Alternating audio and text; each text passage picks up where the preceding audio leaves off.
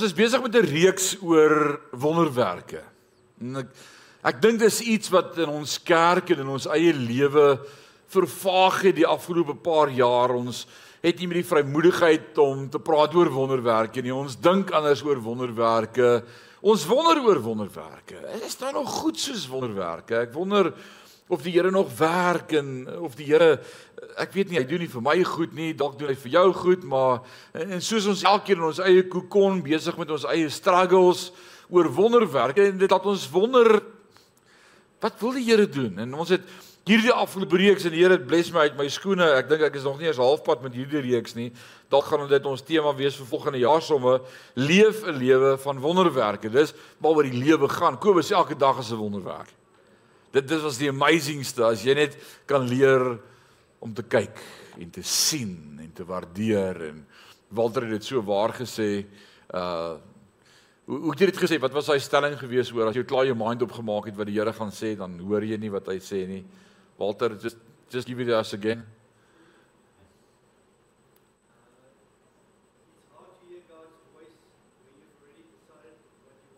It's hard to hear God's voice if you already decided you know what he's going to say.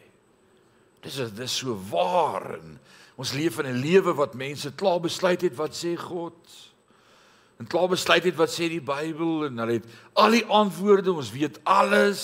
En ons is so slim, ons kan vir jou sê man die duiwel is net 'n mite, is nie regtig nie, dis toe altyd net 'n storie en daar's nie 'n hel nie en almal gaan eintlik hemel toe, jy moet dit tog net uitvind en ons het allerlei nuwe teologieë en en en dis dis dis moeilik om hierdie tyd te lewe met al hierdie winde van dwaalinge. Paulus sê as jy enige ander teologie hoor behalwe wat ek tot jou gespreek het, mag hy vervloeking wees. Yeah, he was adamant about it. That is his, his own one word and that's God's word. And I often say it from the school but if it's new, it's not true. And if it's true, it's not new because it's been written for 2000 years. It's it's steadfast. It's eternity. It's it's been written for eternity. It's not nothing new about our relationship with Jesus Christ as Lord and Savior. So, the biggest miracle of all is that God saved me and you say amen. Is dit nie die wonderlikste en die grootste wonderwerk wat met my en jou gebeur het, is dat God ons kom red het nie. Ou Desmond, this is this amazing. Die Here het ons kom red. Sy genade was vir ons so groot en genoeg. Waar begin wonderwerke, Jan? In ons huis. Net by jou huis.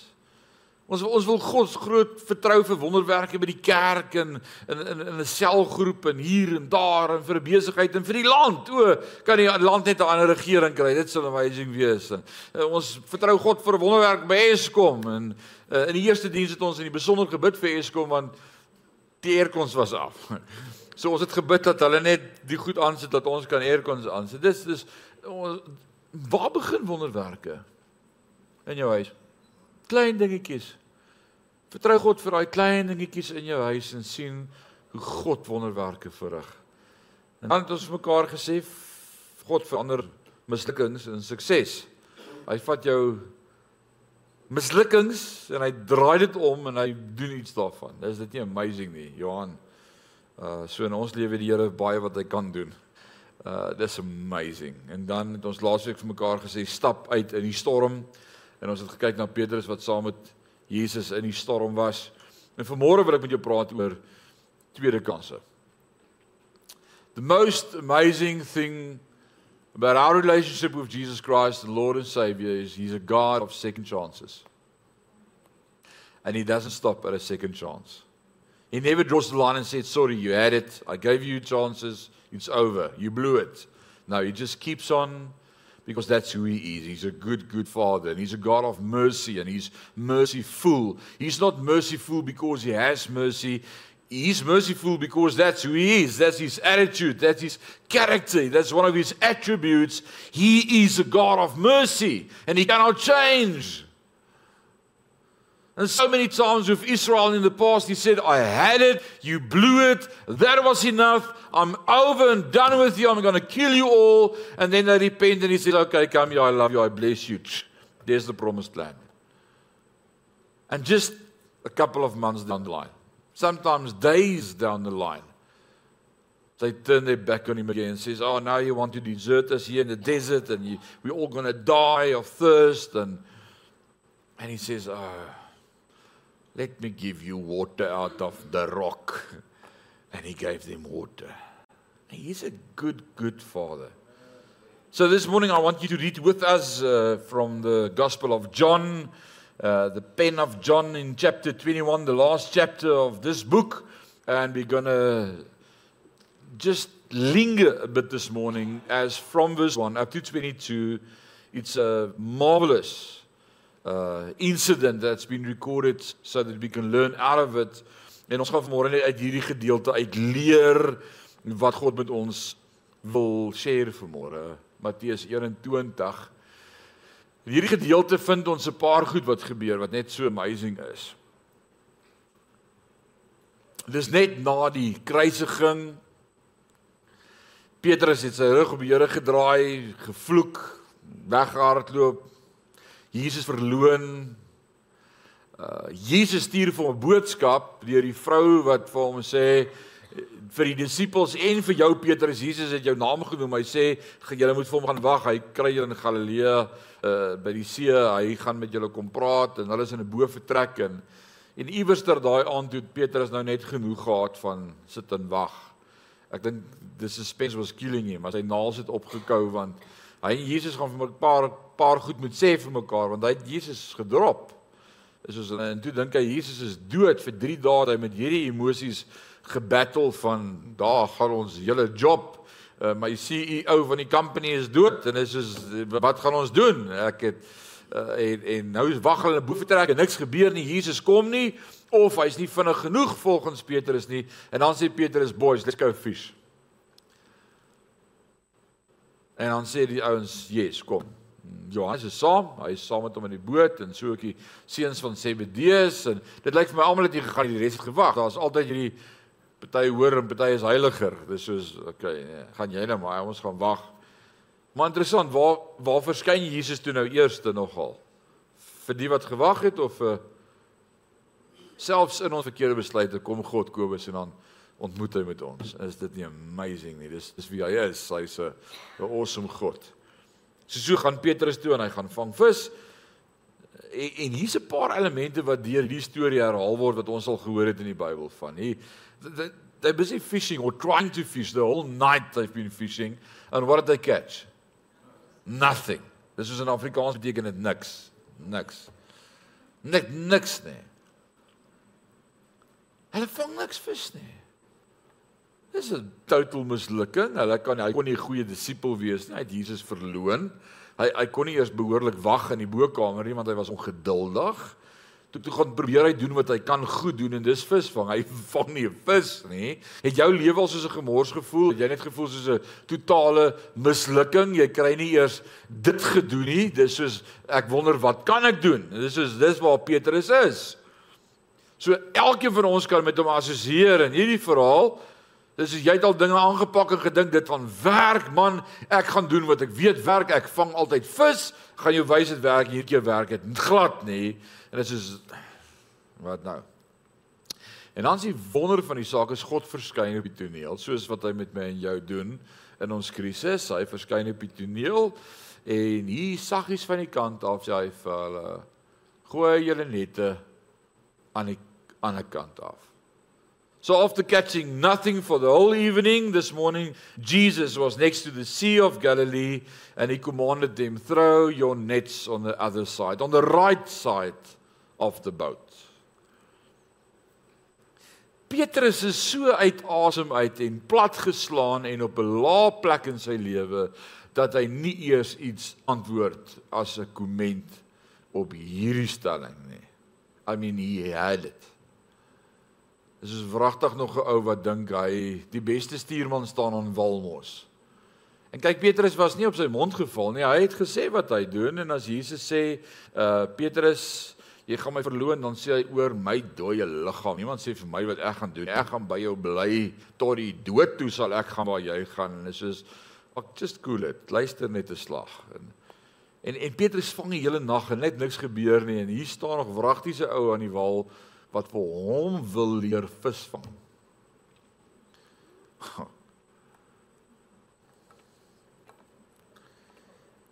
Hy het net niks eers gesê nie, want Johannes skryf niks nie. Daar was nie woorde nie en hy gooi dit net aan die regterkant af en het hulle hierdie rekord oes. Die Bybel sê 153 groot visse.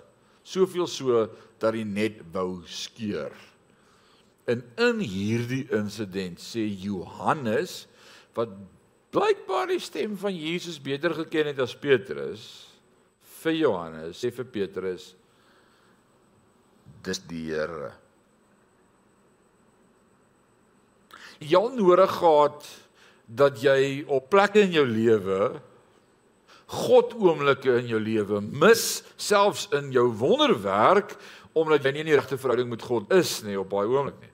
Onthou wat gebeur het. God het uh, Petrus het vir Jesus verloon. Uh Die diensmeisietjie vra vir arme ou Petrus, "Is jy een van die disipeltjies?" Hy gee al sy matroos vloekwoorde wat hy kan onthou van toe hy nog vis gevang het, dat sy net nie kan dink hy is een van Jesus se disippels nie, en hy gee die pad en en hy verlaat Jesus en hy verloon hom en nou sê hy weet nie waar hy is met Jesus nie. Is ek nog 'n volgeling? Is ek nog 'n disipel? Is ek nog ooit 'n kind van hom? Dis soos ek het die seun van God verloon. Nou, nou hier's iets awesomes wat ek uit die woord nie sien nie. Wie van julle is by vir goed wat julle in die Bybel nie sien nie? Jy moet leer om lief te raak vir goed wat jy nie sien in die Bybel. Dit is amazing as jy dit nie sien nie. Dit beteken is nie daar nie. It's amazing. Weet jy wat's nie in die Bybel nie? Maar hè? Ek sien nie in een van die evangelies, Matteus, Markus, Lukas of Johannes, dat Petrus vir een oomblik nie meer God se kind was nie. Chris, Ek sien nie vir een oomblik dat hy gedink het hy is nie meer 'n kind van God nie. Maar kom ek sê wat gebeur wanneer sonde in jou lewe inkruip? Dit belemmer jou verhouding met God. Tweede ding, dit beïnvloed jou disippelskap. En dis die goed wat in Petrus se lewe skade gelei het. Nêrens het Jesus gekom na die tyd en gesê Petrus, ek wil jou weer my kind maak. Ja. Hy is my kind. Daar was nie eens 'n twyfel aan nie. Maar maar hier's twee goed wat herstel moet word Petrus. Ek en jy moet mekaar in die oë kyk. Ons verhouding het skade gelei. So gaan sê vir die disippels Ja, en ek weet Petrus twyfel dat hy nog 'n disipel is, maar gaan sê vir hom ook. Die meester het opgestaan en ek kom en ek wil hulle sien en hy beter daar wees. So die boodskap aan Petrus is Jesus dink aan jou as 'n disipel. So of Petrus het nie gedink Jesus weet alles nie. Maar ek dink eerder was hierdie 'n duidelike boodskap van die koning af. Is ek nog 'n disipel na wat ek aangevang het? Jesus herstel verhouding. En dan gebeur 'n amazing ding hier langs die see van Galilea.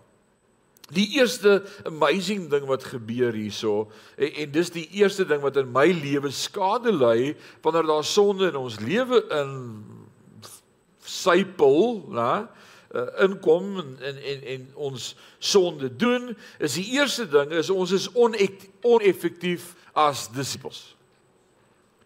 En ek wil hê ons moet sommer as ons praat oor wonderwerke en wat God wil doen en die grootste wonderwerk is jou eie bekering en dat God dit ook vir ander wil doen, dit wat hy jou huis doen, dit wat hy jou mislukkings gebruik, dit wat jy deur die storms lei. Ek wil vanmôre eindig oor disippelskap en ek wil sê die eerste ding wat skade lei in my en jou verhouding as daar sonde inkom is jy's 'n oneffektiewe disipel. Jy maak droog. En dis wat ons sien uit hierdie gedeelte uit. Petrus sê kom ons gaan vang vis. Hy het nie lus verwag nie. Wie van julle sukkel met ongeduld? My hand is bo. Tembani gaan sê amen. Being hasty.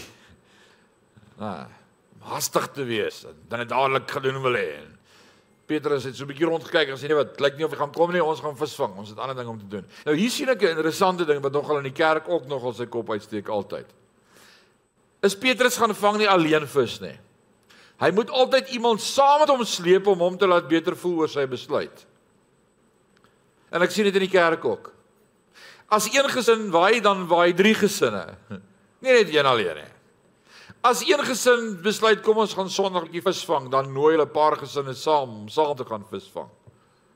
Is dit nie hoe dit werk nie? Dit is net hoe dit is. Is vandag nog so. So hier is hierdie klomp besig om vis te vang en Jesus kom en hy herstel in die eerste plek hulle effektiwiteit. Wat doen hy? Hy sê vir hulle van die kant af, gooi jou net aan 'n kant uit. Met ander woorde, leer om te luister na die stem van Jesus.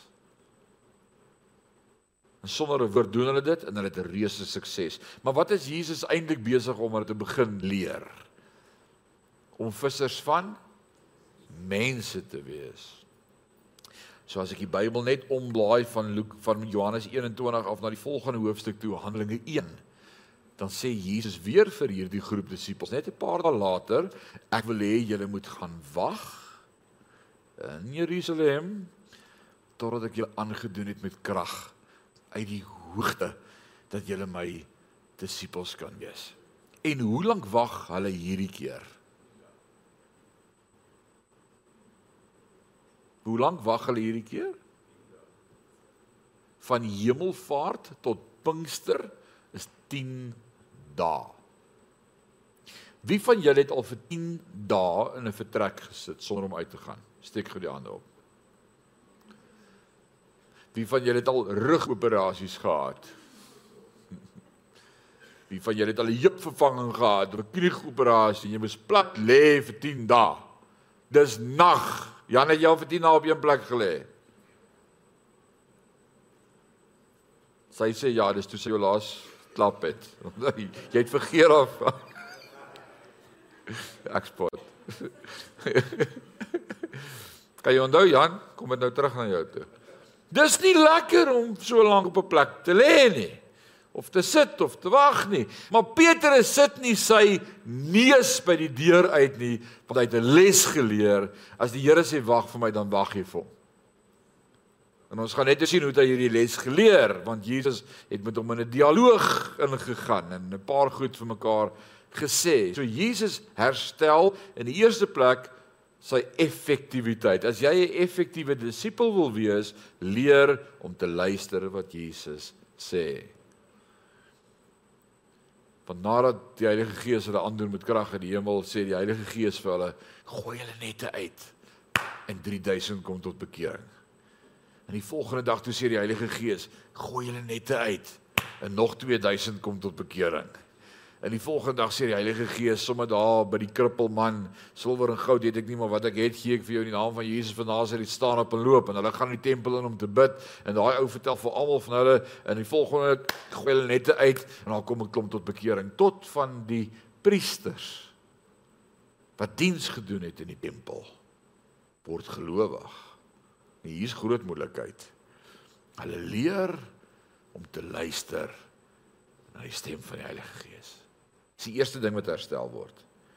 Die tweede awesome ding wat herstel word is die voorreg om Jesus te ken. Jy sien dis die ding wat skade lei in my verhouding met hom as ek sonde toelaat. Ek ken hom nie meer nie. Petrus het sonde toegelaat en ek nodig dat Johannes vir hom sê, dis die meester. As hy die hele tyd by die meester gebly het en hom nie verloon het nie, sou hy geweet het dis die meester.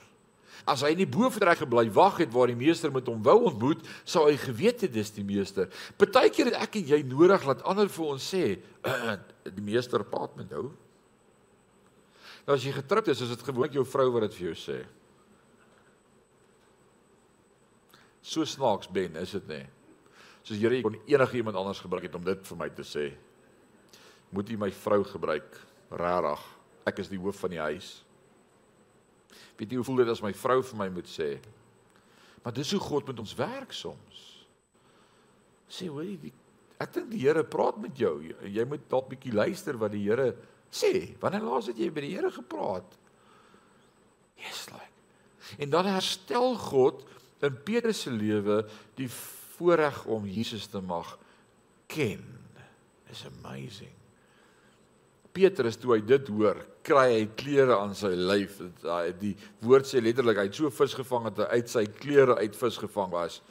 uh, en en hy trek sy klere aan en hy spring van die boot af wat vir my sê dis presies hoe dit was dit was omtrent 100 meter van die kant af maar die sê van gelees hy sien hulle vang naby die kant vis daar waar dit vlak is daar's waar die groot visse kom wy en kom eet en, en hy spring af en hy maak 'n pad tot by Jesus en hier kom hy by Jesus. Nou ek wonder wat het op daai oomblik presies eers te gebeur.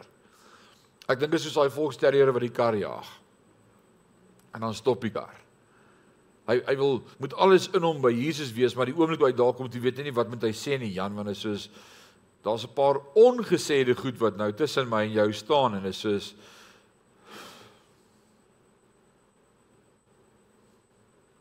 En dan doen Jesus die amazingste ding wat hy altyd doen. Hy neem die voortou en hy sê uh jy wil praat oor jou liefde vir my. Kom ek vra jou vra. Het jy my lief? Ja, Here. En dan vra hy my tweede keer. Het jy my lief? En dan raak dit nou 'n bietjie awkward. En dan is dit soos Ja. Ja, ja, ek het jou lief. En dan kom Jesus 'n derde keer en dan vra hy Petrus kyk vir my, kyk my in my oë, kyk my in my oë. Het jy my lief? En dan raak Petrus diep bewoe. Hy raak hartseer. Hy hy breek en ek wil vir jou sê dis die derde voorreg wat herstel word as 'n disipel van God wanneer jy terugkom na hom toe is hy herstel jou liefde vir hom. Daar's 'n gebrokenheid. Daar's ewe skielik woorde kan nie sê wat my hart sê nie. Ek het net trane in my oë want u weet ek het u lief. En dis presies wat hier gebeur in hierdie gedeelte as Jesus 'n tweede en 'n derde keer met hom praat en sê het jy my lief? Ja, ja, ek het jou lief. En dis wat God vanmôre vir my en vir jou kom vra. Hierdie tafel spreek vanmôre van sy liefde vir my en al wat hy in respons vra Kobus is het jy my ook so lief? Dis hoe lief ek jou het het my liggaam gegee vir jou sodat elkeen wat in my glo nie verlore mag gaan nie maar die ewige lewe kan hê. Hoe hoe lief het jy my? Dis die oomblikke wat ek en jy moet stil word vanmôre met die nagmaal in ons hand en sê wat die nagmaal eintlik vir my vra is hoe lief het jy my terug? Dis die vraag. How much do you love me? This is how much I loved you. I gave my life so that whoever believes in me will not perish but have eternal life. En dit is ek het U lief. En en ek kom net agter dat die Here in ons lewe vir ons hierdie vraag vra dat hy vanmôre voor ons staan Desmond en vir jou vra, "Hey, kom ons praat net 'n slag hier oor, ja? Kobus, ek het lief." En jy kan vanmôre met jou mond vir die Here baie goed sê. Maar jy weet dat God jou hart ken. En jy kan nie vir jou hart lieg nie. En jou hart kan nie vir God lieg nie. Dit is die vraag van môre. Here, U weet ek het U lief. Nou U U sien ek iets beautiful. Waar Petrus Jesus verloon.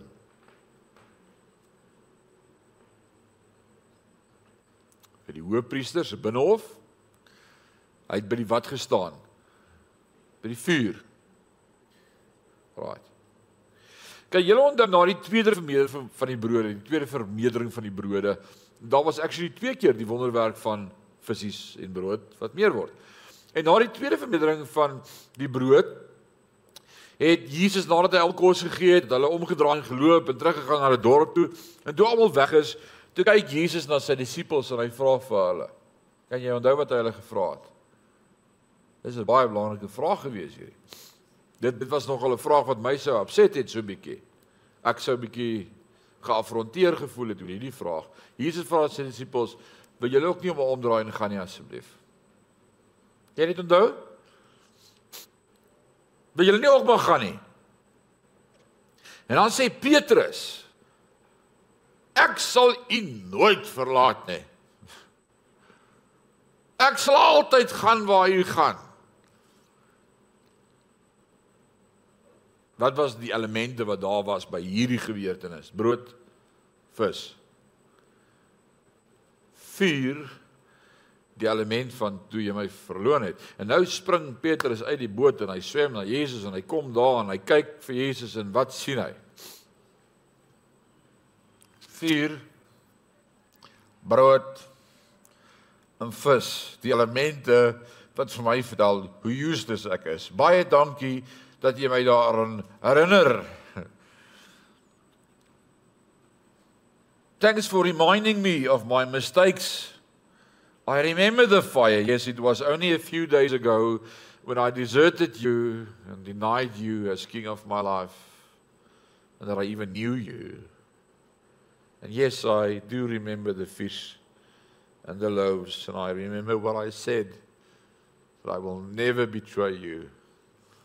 Yeah, I know I did. But now what? En dis wat die nagmaal vanmôre met my en met jou kom doen. Dit wys vir jou wie jy is. Dis dis wat die nagmaal doen. Jy kan nie die brood vat vanmôre en nie attent weet wie jy is en hoe swak jy is nie. Jy kan nie. Dan lieg jy vir jouself. Dis 'n spieël. En as jy daai broodjie vat vanmôre en jy kan vir die ou langs jou sê net wat jy wil, maar jy weet in jou hart dis wie ek is. En dis wat ek doen. En dis wat my ek sukkel. En dis wat die nagmaal doen, die elemente herinner my aan my swakheid. Want juis daarin is my krag. Want Paulus sê wanneer ons swak is, dan sê Jesus eintlik vir my dit gaan nie oor jou swakheid nie, maar dit gaan oor wat ek vir jou gedoen het. Is dit nie amazing nie? God is 'n God van kansse en kansse en kansse. Paulus kom in 1 Korintiërs 11 en dan skryf hy en dit wat ek van die Here Jesus Christus ontvang het, het ek aan julle oorgelewer dat in die nag waarin hy verraai is, hy die brood geneem het en dit gebreek het, gedank het, gesê het neem jy, dis my liggaam. Ons gaan vanmôre saam eet aan die liggaam van Jesus. Dis amazing, dis 'n voorreg. In die eerste plek gaan dit jou herinner aan hoe jy lyk, jou gebreke en jou swakheid en jou mislukkings en jou foute. Maar dit sê ook vanmôre vir jou dat Jesus se liefde vir jou is groter as al jou foute. Daar's niks wat jy kan doen wat God nie kan vergewe nie. Niks. Is dit nie amazing nie? En dan die beker wat spreek van sy liefde, 'n Nuwe Testament, 'n beter verbond, genesing, wegwas van sonde. En dis net so amazing.